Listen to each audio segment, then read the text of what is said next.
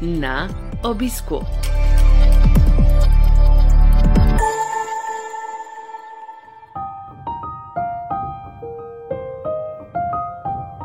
Dobrodošli v novi epizodi serije podkastov na obisku, ki nastaja v produkciji Slovenskega združenja bolnikov z limfomom in leukemijo.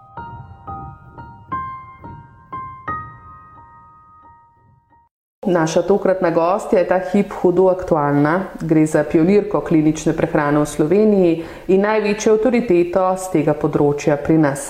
Profesorica doktorica Nada Rotovni Kozjek je doktorica medicine, seveda, pa specialistka anesteziologije, intenzivne in perioperativne medicine ter terapije bolečine in je predvsem strokovnjakinja z področja klinične in športne prehrane, ki je pred pol drugim desetletjem svojo prodornostjo, ustrajnostjo postavila temelje in utrla pot klinično prehranske obravnavi onkoloških bolnikov v Sloveniji se, se je vse skozi borila za samostojno ambulanto za klinično prehrano na Onkološkem inštitutu. Tako je do današnjih dni dosegla, da ima Onkološki inštitut Ljubljana svojo enoto za klinično prehrano, kar nas postavlja ob bok najrazvitejšim državam. Profesorica dr. Nada Rotovni Kozjak pa je njena vodja in v tej enoti sva se tudi danes srečali. Dobr dan, profesorica. Dobar dan. Sem kaj narobe povzela Um, ja, pravzaprav ne. Bom pa citirala uh, profesor Zvera od zadnjič, uh, ko vse to poslušaš, ne, to nisi ti. In vendar vse to ste, če ravno se vam za hip ne zdi. Ja, v življenju pravzaprav uh, se vedno odločimo za neko pot, po kateri bomo šli. Uh, Ampak ta odločitev ni neka, da se takšna, da se zdaj ta trenutek usedeš za misel in rečeš, to bom delal. Odločitev prihaja dan za dnem, pač v skladu s tem, kdo si, kakšni so tvoji uh, v bistvu načrti, no vse danje pa tudi možnosti v življenju. Ne? Možnosti v življenju večino naših poti pogojujejo. No in uh, kar se tiče razvoja klinične prehrane, pravzaprav uh, Takrat, profesor Carotovnik, ne bi še klinične prehrani, rekli ste, da vsak dan znova se odločaš za nov korak. Ampak ja. marsikdo, kakšnega ne bi storil, bi že davno nehal, vi ne. Ja, ampak takrat, ko sem ugotovila, da smo nekaj v slovenski medicini mogoče malo slabše opredelili ali pa da se s tem ne ukvarjamo, uh, uh, sem pač. Uh, poskušala to upeljati, s tem, da sem enostavno te stvari počela, se učila, šla sem v tujino in potem sem prišla tja, kamor pač pravi eh, to ne pavček, ne, da ko hodiš, hodi do konca in konca ni. In konca ni. In vendar smo danes v vaši enoti za klinično prehrano, tukaj na Onkološkem inštitutu. Kdo vse dela danes, kako daleč se je to razvilo? Ja, od leta 2008, ko smo začeli s to dejavnostjo, um, mogoče sam nekaj natančneje razložim, kako je z dejavnostjo, pa kako je z ambulanto. V Sloveniji je kar nekaj entuzijastov, ki skuša peljati uh, ambulanto za klinično prehrano, s tem, da so jim določene storitve, upam, da uh, v neki meri pokrite, ampak dejansko kot zdravstvene dejavnosti, vsaj na področju odraslih pacijentov, uh, nima sistemsko postavljene nihče. Tako da mi si trenutno, kar se tiče stroke klinične prehrane, predvsem v okviru razširjenega strokovnega kolegija za klinično prehrano pri Ministrstvu za zdravje, prizadevamo, da bi se ta dejavnost sistemsko implementirala, ker potem bomo prišli do tja, da ne bo konca, ampak da bo to prišlo do ljudi, ker ljudje to dejavnost potrebujejo, zaradi tega, ker je prehransko stanje Eh, posameznika en, eden izmed najpomembnejših dejavnikov njegovega zdravja. In to je tisto, kjer se more medicina danes prilagoditi posamezniku. Ne da začenjamo s tem, da zdravimo različna stanja, ki so odmik od normalnih stanj z raznimi tabletkami, procedurami in drugače, ampak da v osnovi pogledamo, kakšno je na nek način fiziološko stanje posameznika, kako se odmika v patofiziološko smer in tle noter lahko za primerno prehransko obravnavo to se pravi presnovno obravnavo, naredimo zelo veliko, preden do, pride do takšnih odmikov, ki so potem bolezenski. Pa poglejmo naprimer debelost. Debelost je ena najpogostejših moten uh, prehranskega stanja, ki potem, ko je pač teh maščobnih celic preveč, začne prehajati v presnovno motnjo. Ampak debelosti v osnovi ne zdravimo s tem, da potem ljudem na nek enostaven način uh, skušamo zmanjšati telesno maso, ampak predvsem s tem, da ljudi naučimo, kako svoj odnos do prehrane prilagoditi tako, da ne bojo ogrožali svojega zdravja. To je ključna komponenta vsega tega. In že tle dejansko imamo v medicini zelo, bi rekla, uh, zanimive pristope, nima boljše besede žal, da skušamo nekako tako mehanistično zmešavati telesno maso in potem to prevajamo v to, da je človek bolj zdrav. Ne, mi se moramo te uh, telesne mase lotiti aktivno, moramo spodbujati pusto maso, mišično maso, ki bo kontrolirala maščobno maso, s tem se bojo telesne mase potem začele eh, nastavljati v boljše presnovno stanje, ob tem, da seveda to, ko bo organizem lahko v fiziološkem smislu zgubil maščobnih celic, bo siguren zgubil, s tem, da bo vzdrževal eh, pusto maso oziroma mišično maso, Ne pa, da mi potem skušamo to, recimo, samo prehransko zdraviti ali pa, ali pa imeti kakšno zdravilo ali pa kaj takega. Mi s tem odnosom do hrane ne zdravimo. Mi moramo najprej človeka upolnomočiti, da postane na nek način um, gospodar svojega zdravja. In tle mi zelo hitro zaidemo potem v področja, ki jih imenujemo motnje prehranskega stanja, načelo s podhranjenostjo v različnih oblikah. In časih razmišljam, kako dejansko ne vidimo, da ker nekdo zgublja telesno maso, pravzaprav postaja podhranjen, na čelu recimo z imunskim sistemom. Porazmišljam, ne 40 let nazaj, da ne rečem 60, 70, seveda so bili posamezni debeli ljudje, a vsekakor ne toliko kot danes. Zakaj smo m, tako debeli, tako čezmerno prehranjeni, tako pogosta sladkorna bolezen, metabolni sindromi, preveč sedimo, preslabo jemo, je v resnici sploh povratek nazaj. To je kar eno tako dosti razširjeno stanje v družbi ali morda pretiravam, ne vem.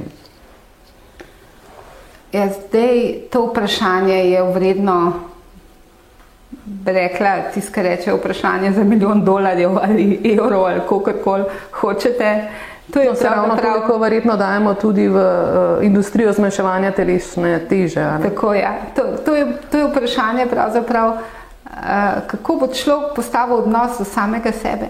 Ne, ker mi skozi to, kar jemo in kako se obnašamo do sebe, pravzaprav uh, um, nekako manifestiramo to stanje v družbi in jaz ne verjamem, da bo šla družba pri tej stopni Eh, razvitosti vse sote industrije in vsega ostalega ugodja na nek način nazaj v tisto smer, da bo življenje postalo, eh, bi rekla, malo bolj naporno, manj lagodno. Mi bomo sigurno ostali v tem eh, načinu življenja naprej, kvečemo se bo še poslabšalo, ker bomo vedno bolj tehnološko razviti. Ampak tisto, kar bi mogli začeti učiti otroke, seveda pa že prej starše, je pa to, da smo mi tisti posamezniki, ki se odločamo o tem, kaj bomo počeli. Mogli bi jih učiti, um, kako imeti odnos do samega sebe, da smo prijazni do samega sebe, da se ne rabimo kaznovati s tem, da, da si potem tešimo čustvene stiske na te načine, ampak zato bi mogli uh, v družbi izobraziti popolnoma druge profile, ki jih imamo sedaj. Mogli bi izobraziti recimo veliko več psihologov, mogli bi izobraziti uh, veliko več uh, kliničnih strokovnjakov za prehrano. Tako da mi bi mogli pravzaprav nekako uh, postaviti sistem treniranja posameznika, kako uh, postane, ponavljam, uh, gospodar nad svojim zdravjem. Tako pomagate ljudem, onkološkim bolnikom tukaj na Onkološkem inštitutu Ljubljana, da bi postali gospodari svojega zdravja, kar je seveda v bolezni, kakršna je onkološka, zelo, zelo težko. Dolžni ste mi še, prosim, odgovor, koliko ljudi zdaj dela v vaši ambulanti v enoti za prehrano in kakšni profili so to? Ja. Ker vem, da ste študijska baza za študij tudi in znanje iz klinične prehrane. Bom najprej odgovorila na to bolj enostavno vprašanje. V naši enoti trenutno dela sedem kliničnih dietetikov oziroma prehranskih svetovalcev, ki jih, kot vemo in znamo, učimo tudi medicine, ker v Sloveniji pravzaprav študija klinične dietetike po EFAT standardih, to je mednarodno združenje za dietetiko še nimamo. Potem delajo tri medicinske sestre, diplomirane medicinske sestre, delamo tri zdravniki specialisti in upamo, da se bomo kmalo ukrepili z mlajšimi silami in nekako tudi mogoče malo drugače zastavili naše delovanje na onkološkem inštitutu, da bo še bolj ustrezalo potrebam sodobne onkologije, to se pravi celostnega pristopa k zdravljenju onkoloških bolnikov. Zdaj bi pa odgovorila na prvo vprašanje. Pravzaprav so rakasti bolniki postavljeni pred dejstvo, da se borijo z boleznijo, nad katero uh, sam nimaš kontrole. Rakast bolnik lahko naredi vse, kar mu nek strokovnjak priporoči, pa nikoli čisto dobro ne veš, ali boš zmagal ali ne boš zmagal. Zato mi, ki delamo za bolniki, ki se zdravijo pri nas, veliko krat te poante ne znamo razumeti, ker mi nimamo te bolezni, mi nismo v tej hudi stiski ali pa v tej hudi preizkušnji, da, da vsak dan živimo z nekom, ki pravzaprav mimo nas regulira nas ali pa vpliva na nas. In mislim, da, da vsak dan, ko greš domov iz onkološkega inštituta, bi mogel čutiti hvaležnost, da še nimaš te dodatne tegobe v življenju. Sej, mi imamo tukaj številne bolnike, ki nam vsak dan kažejo, kako se da ti hude stvari sprejeti. Gledaš jih in se čudiš, kako dobro se opremijo in se borijo z boleznijo, ali pa jo vzamejo kot eh, del svojega življenja, kar je seveda smiselno, Ampak dokler nisi v tej točki, o tem pravzaprav nimaš pravice ne soditi, ne debatirati. Ti lahko bolnikov samo strokovno osnovano poveš vse, kar veš, da mu pomagaš uh, v prvi vrsti, ne to počnejo onkologi, kirurgi pri nas, radioterapeuti, obladvati to rakasto breme in potem mi iz podpornih služb, da jim pomagamo, da je nekako njihovo telo v takšnem stanju, da lahko uh, to terapijo čim bolj učinkovito uh, nekako prejmejo in se potem to breme rakaste bolezni obladuje.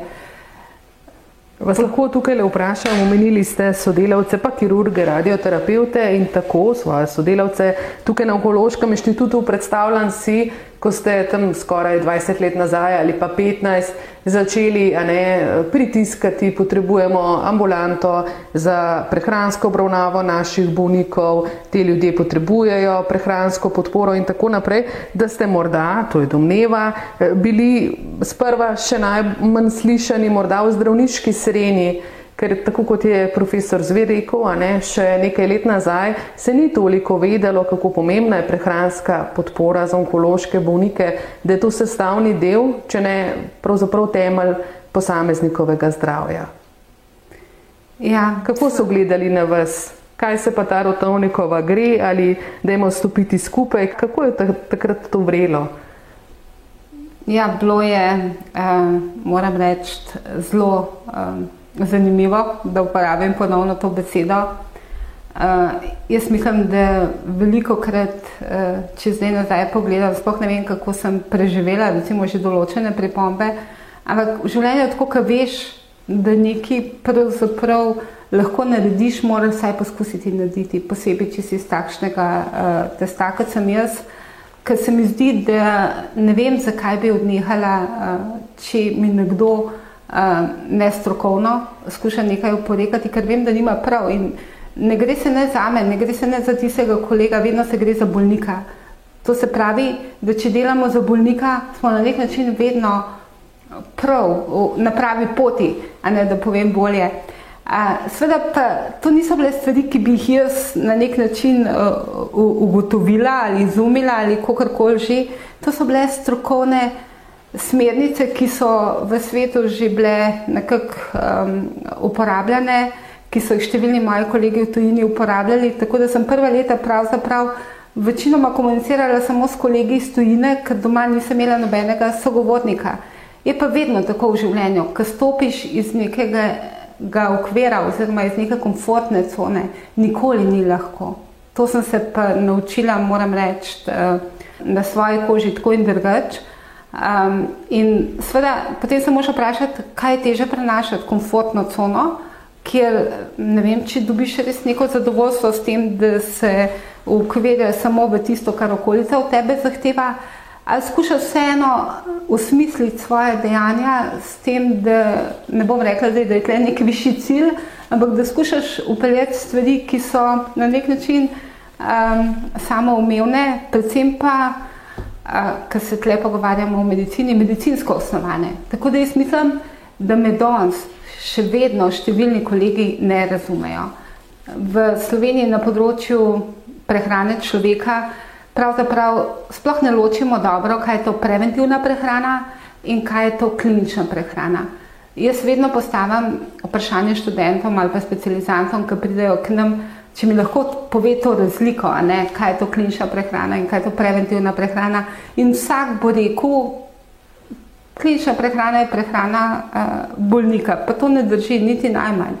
Klinična prehrana je vedno prehrana posameznika, takrat, ko se pogovarjamo o njegovi prehrani, glede na njegovo uh, zdravstveno stanje.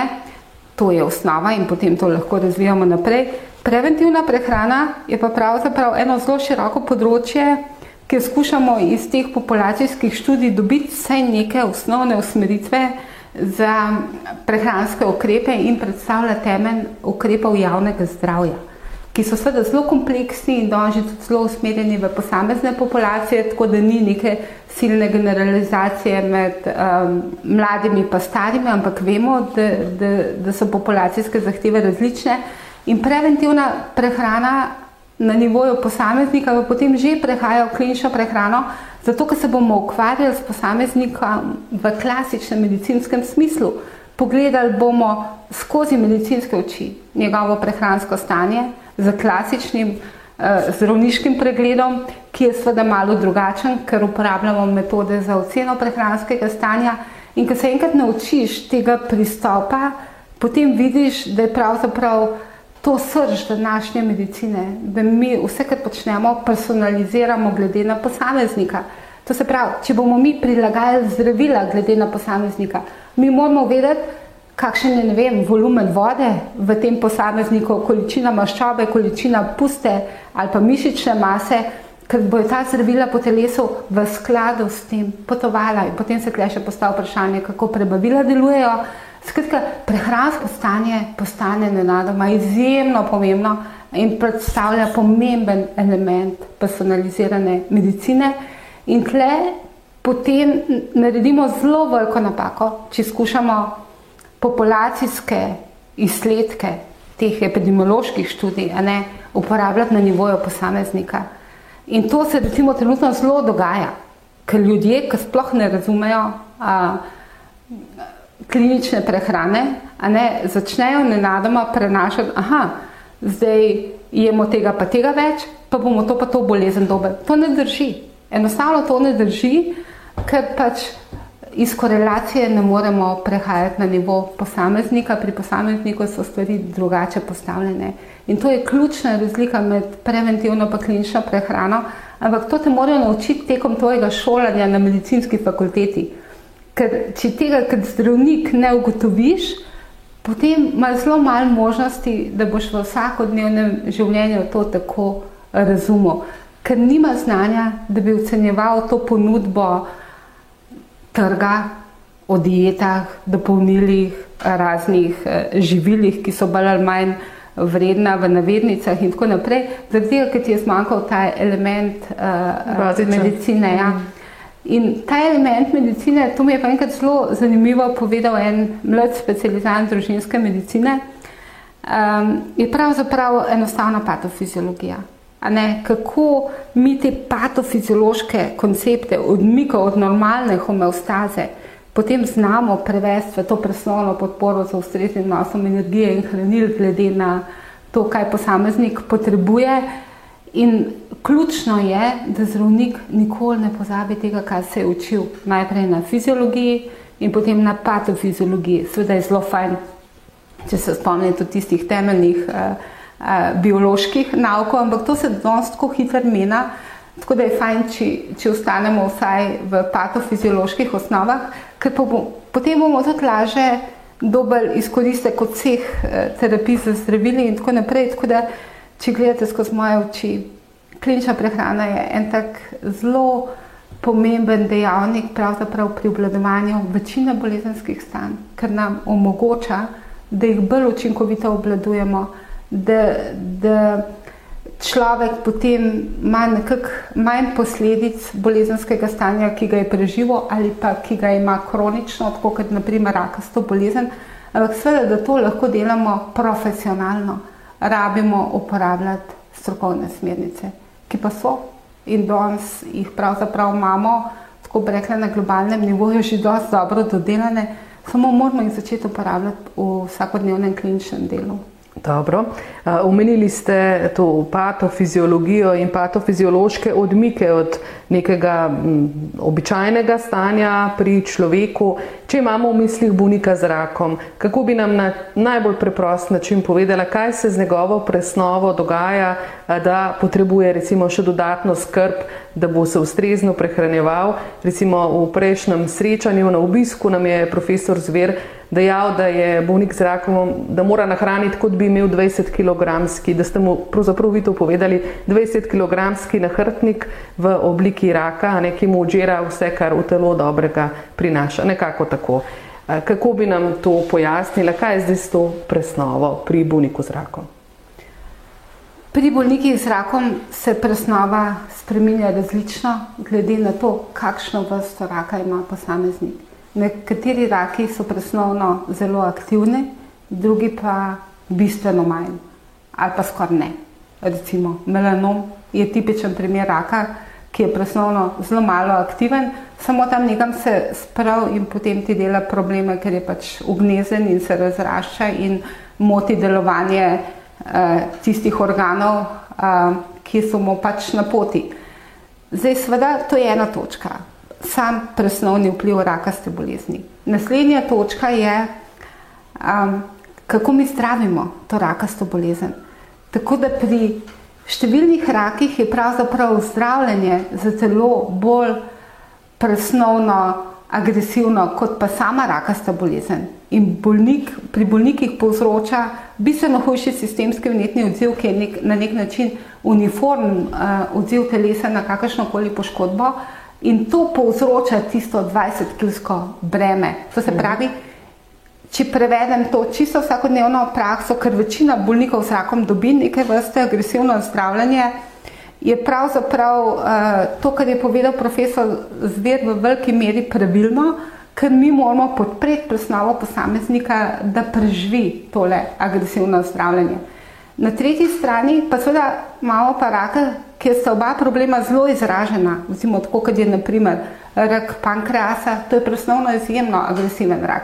Potem imamo rake, ki interferirajo z vnosom hrane v telo, kot so raki prebavil, od ust naprej, požiralnik in, in tako naprej, ki se tudi takoj pojavi problem z vnosom hrane. A ne, mi imamo recimo podhranjene bolnike, ki so preživeli rak želoca, ampak potem so prebavila tako pokvarjena, po domače rečeno, da ne, zmoremo, ne zmorejo več zadostnega vnosa energije in hranil in potem zaradi tega postajajo podhranjeni in rabijo dopolnilni vnos hrane uh, parenteralno, ne, recimo, to je ena od klasičnih skupin odpovedi prebavil po zdravljenju raka.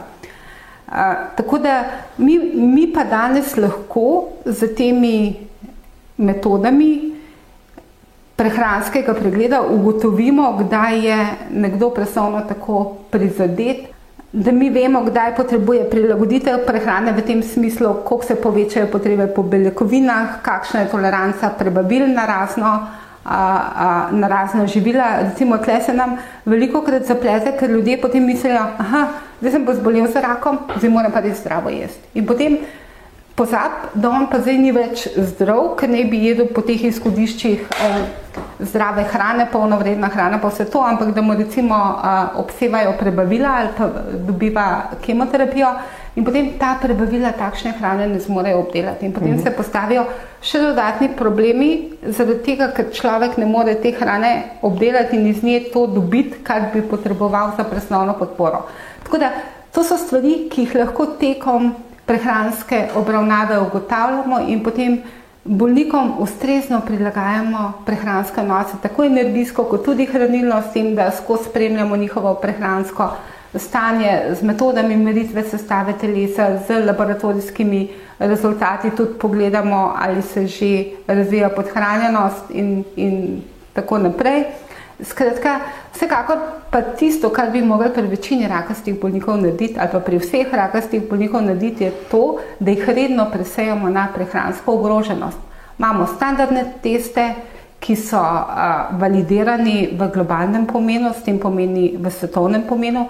In če mi ugotovimo, da je nekdo prehransko ogrožen, potem rabimo iti samo v diagnostični postopek, ali je nekdo podhranjen. In če postavimo diagnozo podhranjenosti, ali pa podhranjenosti z vnetnim odzivom, kot je naprimer kaheksija, potem moramo mi temu posamezniku ustrezno zdraviti to mm. motnjo prehranskega stanja. In tle govorimo o terapiji, tle ne govorimo mi o neki dieti ali čem podobnem, mi govorimo o terapiji določenega prehranskega ali pa presnovnega stanja, ki je izjemno pomembna, zato da bomo lahko obladovali rakasto bolezen. In se zdravili tudi naprej in imeli vse Tako, moči. Ja, mhm. ker danes pa res dobro vemo, da tiskamo dobro presnovno stanje, se bo boljše odzval na terapijo, ta bo bolj uspešna, preživetje bo daljše. In kar je v bistvu zaskrbljujoče, ampak res zaskrbljujoče je to, da podatki govorijo, da ljudje potem ker se nekako rakasta bolezen obvlada. Težko govorimo o, o zdravi, ampak ker je pač nekako obvladana, uh, umirajo zaradi posledic podhranjenosti. In takih ljudi ne bi bilo 10 do 20 odstotkov, kar je veliko. Ti ljudje ne bi rabili imeti določenih ali bolezenskih težav ali pa celo umreti, zaradi tega, ker so podhranjeni, ker so med samim zdravljenjem izgubili tok funkcionalne mase, da, njih, ja, da njihov organizem ne deluje več. Omenjali ste prehransko presajanje, torej tisti prvi korak, ne, da do tega seveda ne bi prišlo, še posebej ne seveda pri bolnikih z rakom. Eh, v programu celostne rehabilitacije skupaj na poti do zdravja, ki ga sofinancira tudi Ministrstvo za zdravje, sodelujejo klinične dietetičarke in čisto vsak bolnik v tem rehabilitacijskem programu za bolnike s krvnimi raki eh, je prehransko presajan. Seveda pa to nažalost ne velja za vse onkološke bolnike, če ravno uh, pravite, za vsakega bi bilo to potrebno. Za vsakega bi bilo to potrebno, pa ne samo za onkološke, tudi za vse kronične bolnike, ker to je eden od najbolj fizioloških načinov, kako bi obladovali uh, breme kroničnih bolezni. Ker če mi tej prehranski podpori, ne, pri vsem tem priključimo še telesno dejavnost, ki regulira presnovo. To vsakeč znova opozorite ja, na to kombinacijo. Na pozitiven način. Se moramo najprej zavedati, da če bomo mi telovadili podhranjene bolnike, lahko naredimo dodatno škodo. To se pravi, mi lahko ta dva ukrepa, ne farmakološko obladovanje ne, različnih bolezenskih stanj, izvajamo zelo uspešno, kadar sta sistemsko ugrajena in, in jaz tle pravzaprav mislim, da je v sistemu premalo fiziološkega ali pa patofiziološkega znanja, da bi to razumel, koliko dobri ukrepi so to v korist zdravja ljudi.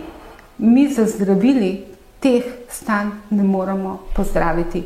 Recimo, glukoza, mi to preganjamo oglikove hidrate, ni pomembna samo za energijo, pomembna je tudi zato, da se lahko na novo dela uh, genski material, deoksiribonukleinska kislina, ki ima ribozo, za regulacijo teh oksidativnih procesov in tako naprej. Skratka, mi, če imamo ustrezen nos hranil, vseh hranil, lahko bistveno zmanjšamo breme bolezenskih simptomov, to se pravi, porabimo manj zdravil in v končni fazi, če pridemo do posameznika, govorimo o boljši kvaliteti življenja, bodi si med samo boleznijo ali pa potem, pa potem. ker je neka bolezen obladana. In ta kakovo življenja, kakorkoli dolgo že je, je tisto, kar šteje največ. Ne? Jaz mislim, da večini ljudi šteje največ to, kako se imajo, ne glede na to, ali jim manjka ena noga ali je nekaj drugega. Mislim, večina ljudi uh, meri svojo vsebino življenja po tem, kako se počutijo, ali so dobro, ali so slabo, ali, so, ali imajo energijo, ali nimajo energije, ali se jim da, ali se jim ne da. Skratka, uh, kvaliteta življenja je dejansko stvar, ki v veliki meri bazira na to, da organizem lahko vsaj približen v svojem homeostatskem okolju funkcionira tako, da je sposoben izvrševati svoje vsakodnevne funkcije, bazalne funkcije in potem še nekaj zraven. In zato dejansko potrebujemo ustrezen energijski in hranilni vnos. Tega ne moramo rešiti z dopolnili, tega ne moramo rešiti z zdravili. Dobro, športniki se dopingirajo, da to, ta sistem nekako dvignejo, ampak v končni fazi, zakaj preganjamo doping? Zaradi tega, ker je škodljiv, ker telo prenapne v nekem uh, uh, stanju, ki ga ne more dolgo vzdrževati. Omenjali ste prehranska dopolnila, pripomočke prehranske in tako naprej. Če kaj je to danes res silno popularno, nazaj grede z vaše ambulante se bom oglasila v drugeriji, pa verjamem, da boste dve stalaži polni prehranskih dopolnil. A kdaj jih bolnik z rakom potrebuje in kakšna in kdaj jih v bistvu zdravi ljudje potrebujejo in kakšna? Ja, Jaz mislim, da zdravi ljudje, če imajo urejeno prehrano, tako da dobijo z normalno prehrano vso energijo in vsa posamezna hranila, ki, jo, ki jih potrebujejo, ne potrebujejo nobenih dopolnil. Pač potrebno je poskrbeti, da imamo kvalitetno hrano, da je ta prehrana tako mešana, da dobimo vse različna hranila. In potem ne vem, zakaj bi mi v vsakodnevnem življenju potrebovali kakršnakoli dopolnila. Dopolnila pride takoj na program, takrat, ko mi ne jemo tako, kot bi nekako ustrezalo našim potrebam in potem začnejo ljudje zelo hitro posegati po dopolnilih, ker mislijo, da bojo s tem nekaj izboljšali, ampak organizma se ne da prevarati. In zdrav človek, ki ima na voljo um, možnost, da si uredi vsakodnevno prehrano, uh, pravzaprav sploh ne vem, da bi posegal po, do, po dopolnilih. To, to je zelo težka trditev, ampak, ampak v resnici tako pač kažejo biološka dejstva. Sveda, če bo zdrav človek, zdaj smo še pri zdravem človeku, se loto neke telesne dejavnosti in bo ta čas med telesno dejavnostjo pač delovanje prebavil uh, do neke mere izklopljeno in kaj podobnega, takrat bo seveda posegel po prilagojenem vnosu uh, tekočine, hranil, zlasti glukoze, soli, natrija um, in bo uporabljal športne dodatke. Ampak se zelo hitro neha za športnimi pijačami in posameznimi energijskimi tablicami, tablicami ali pa gelji ali pa kaj podobnega. Od tam naprej se pogovarjamo samo o prehranskih športnih dopolnilih za vrhunske športnike, kar pa večina ljudi ni in jih ne potrebuje. Ampak je treba takrat prilagoditi prehrano. Zdaj nam pravite, nič ne potrebujemo, če jemo dobro, kar pomeni, da jemo zdravo, se pravi raznoliko, lokalno ja. in tako naprej. Ma ste nam dve leti razlagali, da potrebujemo najmanj D vitamin zaradi COVID-a, da vegetarijanci ali vegani potrebujejo B kompleks ali B12 ali nekaj skupine B vitaminov. Koga naj pravzaprav poslušamo? Prav gotovo vas, ki ste strokovnjaki, ampak tako razmišljam, veliko različnih navodil dobimo, o tem govorim. Ja, zelo dobro vprašanje. Pa začnimo z vitaminom D. Populacijske študije, rekli smo, epidemiološke študije so to kažejo, da večina prebivalstva nima zadostne količine eh, vitamina D, eh, zlasti tisti, ki živijo v severni hemisferi, pa sonce, pa vse tole. Ampak po drugi strani imamo mi danes pri roki, da si izmerimo, kakšno je naša dejanska vsebnost vitamina D. Mislim, meni je to zelo zanimivo, ker seveda jaz takšne hipoteze ali pa teze najprej testiram na sebi. Jaz, moja količina vitamina D je zadostna. Jaz ne uživam nobenega vitamina D, kljub temu, da živim v severni hemisferi, ker nimam potrebe po vitaminu D. To se pravi, če imamo mi situacijo, kjer obstaja velika možnost, da bo pomankanje vitamina D obstajalo, potem je seveda smiselno neko dodajanje, ampak nič ne bo škodili, škodilo, če to preverimo. Mhm. Sveda, um, še vedno je treba tle neko umestno pot poiskati. In mi dve smo prej uh, razpravljali o zdravi odrasli populaciji. Če bomo šli k starostnikom, ki že tako pojedo manj, pa mogoče se ne gibljajo toliko na soncu, potem verjetno je za njih smiselna vsaj neka uh mhm. -huh. suplementacija. Ampak jaz res ne vem, ali je to drago, da mi tem ljudem preverimo nivoje vitamina D. Ne, da standardiziramo neke postopke, kjer bi mi to vseeno nekako bolj medicinsko personalizirano. Tako, ja.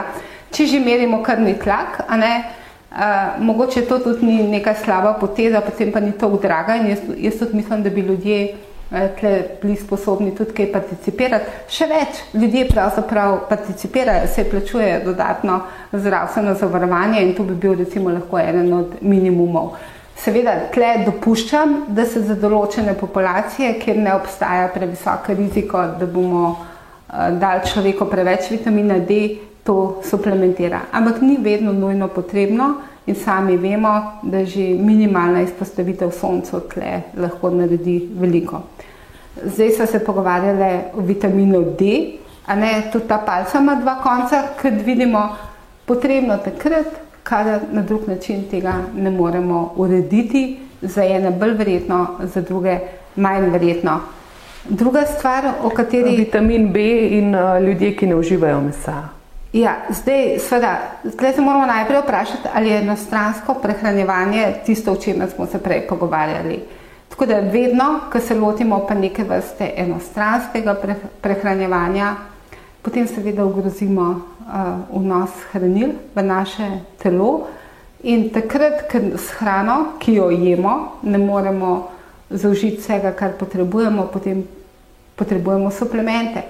Zdaj pa, a se bomo res odločili za način prehranjevanja, ki ga bomo morali suplementirati, kle bi pa je šla na stališče, da je to svobodna izbira posameznika, kaj bo jedel, nikakor pa ne sme biti to prisila da bi vsi jedli na ta način in potem uživali suplemente, kot se zdaj nekako eh, začel past po Sloveniji in kar se mi zdi dejansko res ogrožanje prav zdravja slovencev.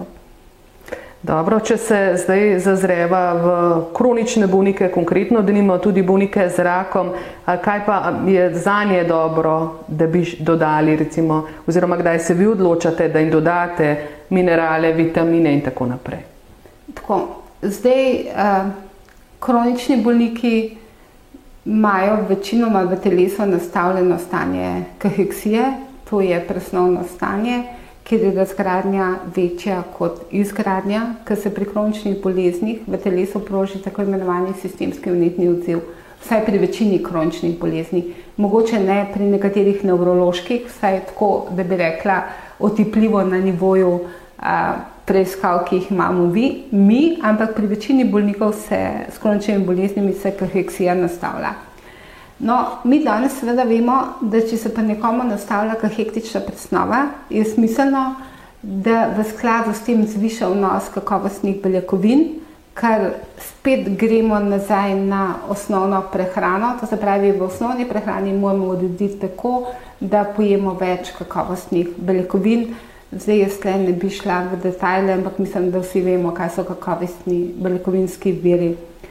Um, potem naslednja točka, ki govorimo o kroničnem netju, uh, so seveda omega-3 maščobne kisline, ki so znano uh, modulator unetja in si lahko spet prehrano tako prilagodimo, da zaužijemo več hrane, ki vsebuje te kakovostne uh, maščobne kisline, to so hladno stisnjena rastlinska olja, tudi v mesu je kar nekaj eh, teh nenasičenih maščob, pa seveda v ribah in tako naprej. Skratka, lahko temu eh, prehrano ustrezno prilagodimo.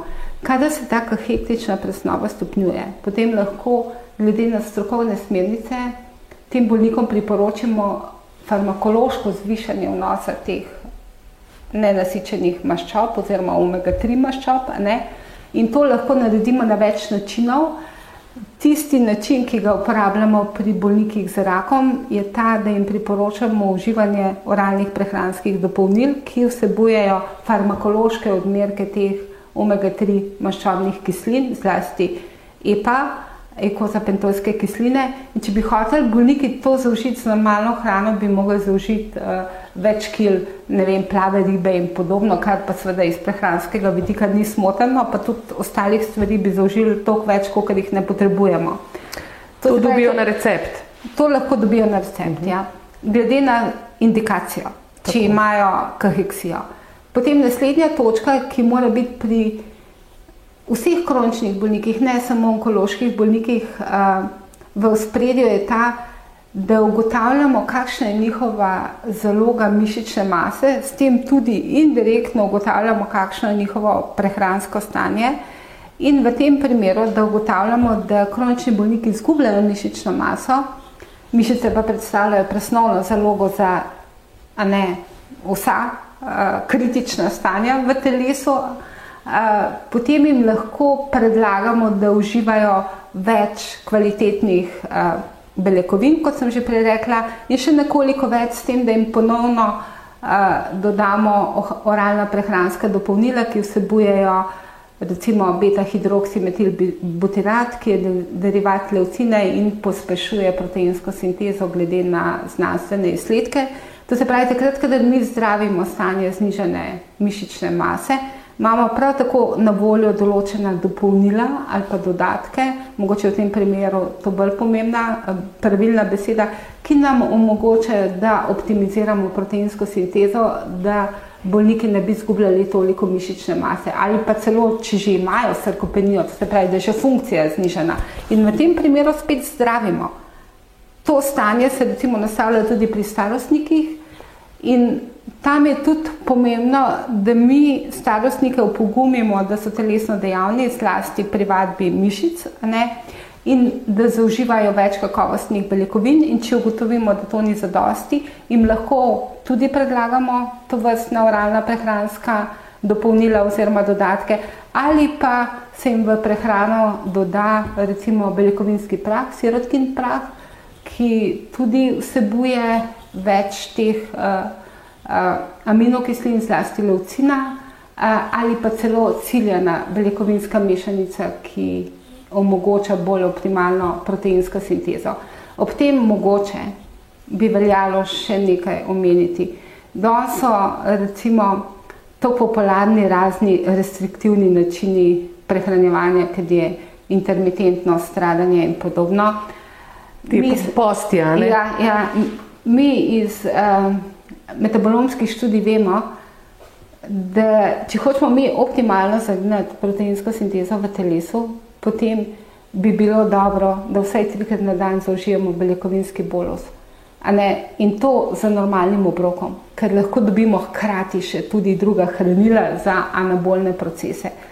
Zato je smiselno, da ljudje v teh primerih, ko je potrebno bolj natančno pač uh, Eh, prilagajati prehranske vnose, uredijo svojo prehrano tako, da dobijo vsaj trikrat na dan nek, na nek način uh, urejene obroke, ki so mešani in ki vsebujejo vsaj 20 do 25 gramov beljakovin, mora biti tudi več, če imajo ljudje, uh, bi rekla, bolj ogroženo um, mišično maso ali pa če jim prebavila slabše delujejo, ampak to je še stvar kliničnega dietetika.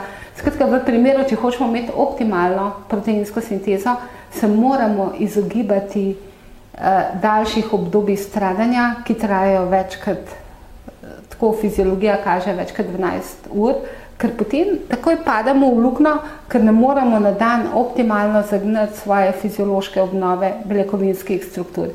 In tle smo spet pri osnovnem prehranjevanju.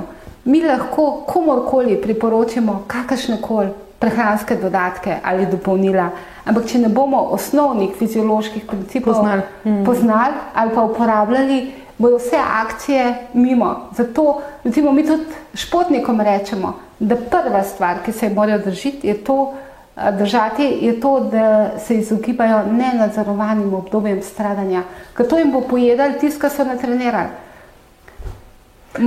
Tako, mišico, mišico, mišico ki jo ja. najbolj potrebujem, ki jo ima tudi rak najraje. Ne? Ja. Rak ne želi maščobe, želi kakovostno, pusto maso. Tako. Mišico, ki jo tako težko naredimo, toliko je treba telovaditi.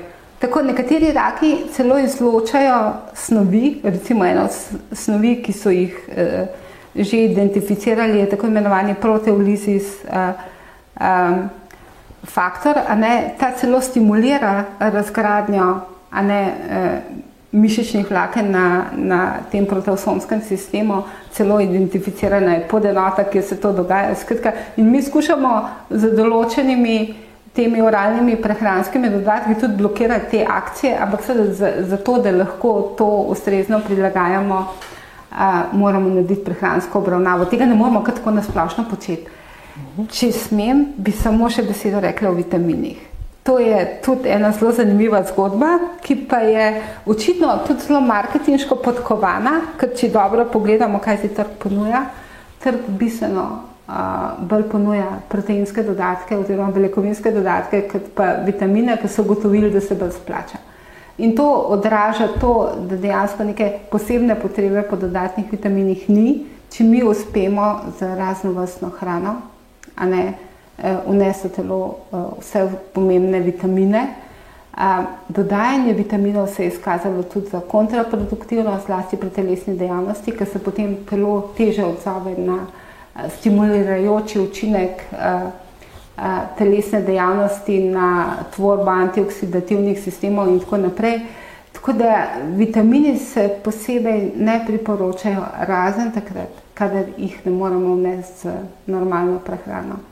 Vse to, kar ste nam povedali in razložili, poskušali ste nam razložiti celo znanost, zdaj jaz upam, da jo bojo najni poslušalci čim več tega tudi razumeli, vsaj približno toliko, kot seveda potrebujemo za uporabo.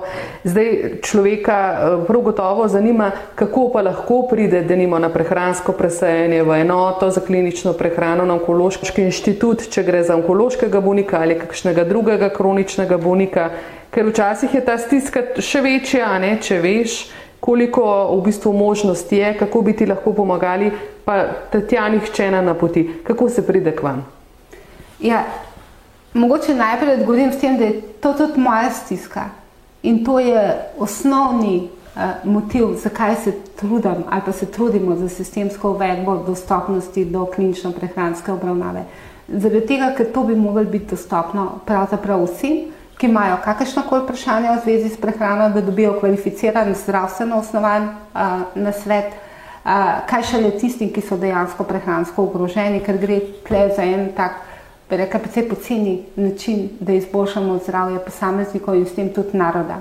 No, zdaj pa kako se pride k nam?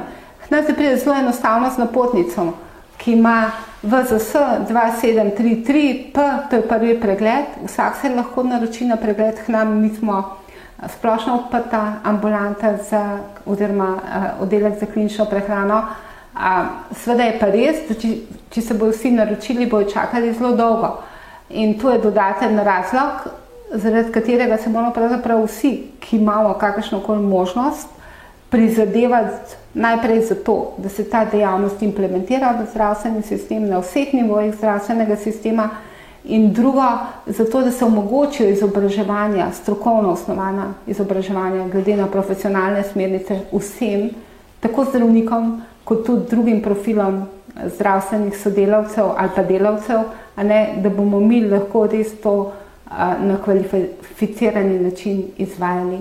A, to se pravi, zdaj trenutno potekajo res prizadevanja na teh dveh frontah, da bi se omogočil dostop do klinično-prehranske obravnave že na nivoju primarnega zdravstvenega varstva, ker jaz mislim, da je ključno, ker tam je največ problemov, mi tle dobimo samo že bolj poglobljene probleme, ampak potem vrnemo ljudi nazaj na primar in bi mogli to nekako se dogajati tam, kjer so ljudje, to se pravi v njihovih lokalnih uh, zdravstvenih domovih.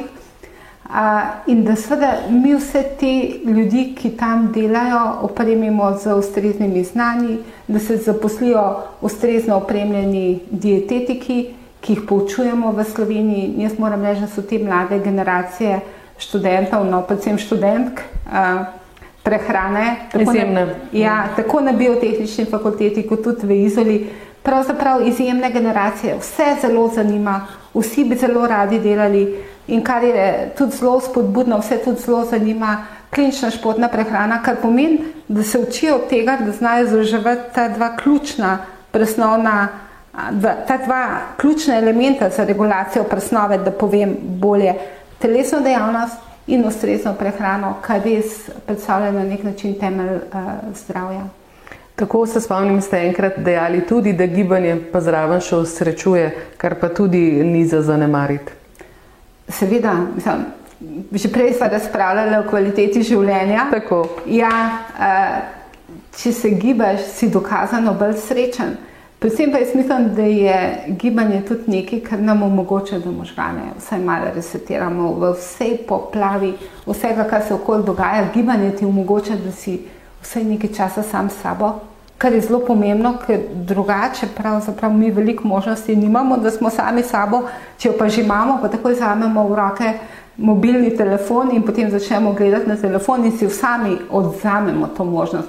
Tako da gibanje je bi rekla, zdaj še bolj pomembno, kot je bilo. Tako. Omenili ste, da bi pravzaprav vsakdo se moral potruditi po svojih močeh prispevati ne, k popularizaciji te znanosti in poskrbeti za zdravje, seveda posameznika in uh, tudi skupnosti. Zdaj vem, da izjemno veliko sodelujete z organizacijami bolnikov, seveda da slovenskim združenjem bolnikov z limfomom in leukemijo in da ste pravzaprav jih na nek način, da rečem, nagovorili na prav način že dejansko 20 let, skoraj da nazaj 15 let, ker tudi v združenju se izjemno trudijo ne upozarjati na pomen ustrezne prehrane, prehranske podpore bolnikov z rakom, predvsem s krvnimi raki v tem primeru. Kako pa vi ocenjujete to sodelovanje oziroma Um, da rečem, podporo tudi ne, znanosti, stroki, strani organizacij, bolnikov, civilne družbe. Jaz mislim, da so oni ključni. Mi samo delamo tisto, kar uh, je naša naloga, da delamo za bolnike. Ko se meni bolnik zahvali, moj se reče, da je to moja služba in dejansko je to moja služba. In če bolniki izkažejo svoje potrebe, smo mi pravzaprav na nek način v službi za to, da smo pač zdravstveni delavci, da jim te potrebe pomagamo nekako uh, rešiti oziroma izpolniti. Tako da jaz mislim, da tisti, ki bi mogli pravzaprav peljati zdravstveni sistem, so uh, bolniki oziroma njihove potrebe. In jaz mislim, da so bolniki v današnji družbi bistveno premalo glasni. Bolniki mogoče niti ne vedo, da bi lahko imeli več zvodov, da bi se zdravstveni sistem bolj prilagajal njihovim potrebam. Uh, Jaz se s politiko ne ukvarjam, pa vedno, ko jo pogledam, se mi zdi, da sem preveč butasa, da bi se s tem ukvarjala. Ampak mislim, da je zadeva v osnovi bistveno bolj enostavna. Mi smo tisti, ki potrebujemo zdravstvo. To se pravi, se mora zdravstvo prilagajati posamezniku. In mora se izkristalizirati tiste stvari, ki so bolj ali pa manj bistvene, in zdravniki bomo sigurno uh, tudi najbolj izpolnjeni pri svojem poklicu, če bomo imeli občutek, da, da smo res tisto naredili, kar bolniki najbolj rabijo. Ne, jaz sem po osnovni profesiji anesteziolog, za me je jasno, najprej je reševanje življenja, potem pa se pogovarjamo naprej. In jaz mislim, da je isto jasno vsem bolnikom. Tako, uh, rekli ste, uh, da bi pravzaprav bolniki uh, in organizacije bolnikov kot zagovorniki lahko še več storili. Zdaj vem, prav za slovensko združenje bolnikov z limfomom in leukemijo uh, je mnenja, da je v strateškem svetu za prehrano pri predsedniku vlade že od štarta je tega mnenja, ne, uh, primankljaj stroke klinične prehrane, Vi sami ste to že sredi decembra tudi upozorili, ko se je še snoval svet in tudi na podlagi vaših upozoril in eh, še drugih strokovnjakov se je svet dopolnil in vendar notri ni strokovnjaka za klinično prehrano. Spomnite nas, zakaj ste bili tako uh, kritični do tega sveta v štartu, sestave sveta. Zato, ker je to moja strokovna dožnost. Jaz sem kot nekdo, ki se ukvarja z zdravjem ljudi, strokovno zavezana, da povem, da če se ukvarjamo s prehrano, se moramo ukvarjati na strokoven način. Zdaj, zakaj se s tem ukvarjajo drugače, pa res ne vem. In te igrice, ki so v zadju tega, tudi nekako ne razumem, ker dejansko vlada naj bi delovala v dobro zdravje ljudi. Zato mi je še bolj nerazumljivo, recimo, vprašanje um, recimo novinarke v eni od nedavnih televizijskih uh, oddaj, ki je vprašala kolega, če smo zdaj zdravniki zadovoljni, ker so v tem strateškem svetu zdravniki. Um, pravzaprav zakaj bi mogli biti mi zadovoljni? Ni naše zadovoljstvo, da bomo na neki poziciji. Jaz mislim, da bi mogli biti ljudje zadovoljni, da se strokovnjaki oglasimo takrat, ko ugotavljamo, da se nekaj počne, kar ni dobro za njihovo zdravje, ampak mi se moramo oglasiti, ker smo pač podvrženi, če banaliziram Hipokratovi prisegi, ampak to ni banalno, to je dejansko.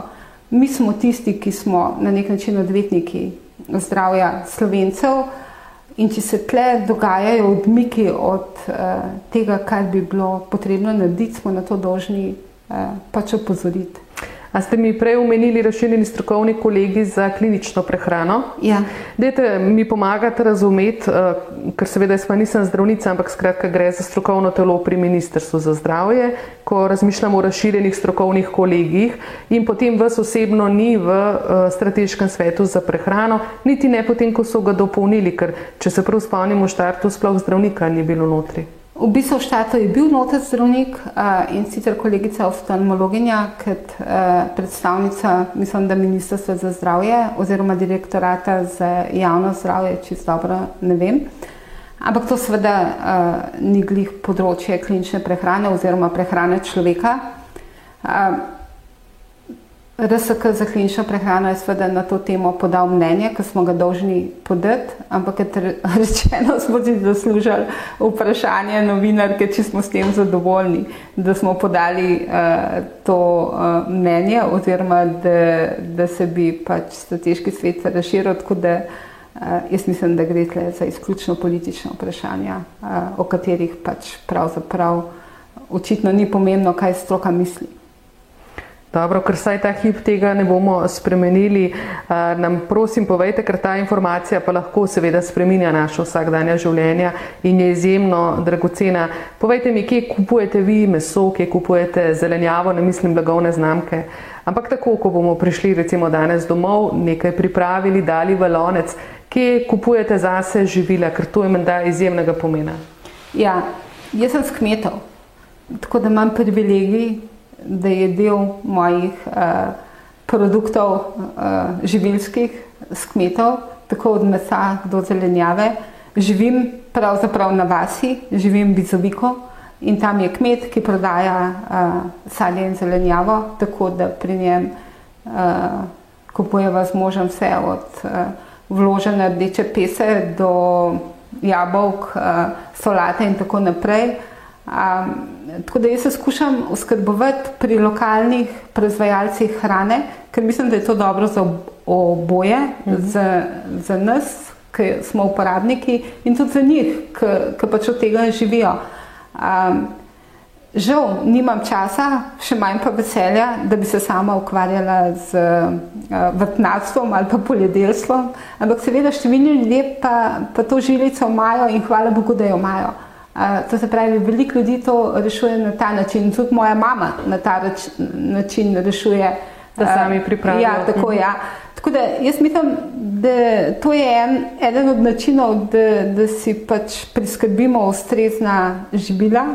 Kar se tiče mesa, um, recimo občasno z možem kupiva tudi kakšnega divjega prašiča, Skušam kupiti pač živila čim bliže viru uh, nastanka teh živil ali pa tam, kjer pač uh, je možno dobiti to od originalnih dobaviteljev. Seveda pa, kadar ni časa, uh, izberem lokalno trgovino in kupim tam osnovna živila, ampak sreči ima vsaj v uh, mojem primeru mož bistveno večji smisel za ukvarjanje s, s to nabavo hrane, tako da Da dobro nabavi. Tako ja, dobro nabavi in tudi dobro skuha. Odlično. Najlepša hvala, da ste si vzeli čas uh, za ta blazno zanimiv pogovor, ki je daljši kot se običajno. To vam že moram povedati. Jaz vam želim vse dobro, tako zasebno kot uh, poklicno. Ja, hvala lepa. V našo družbo vabljeni spet čez 14 dni. Naslišanje.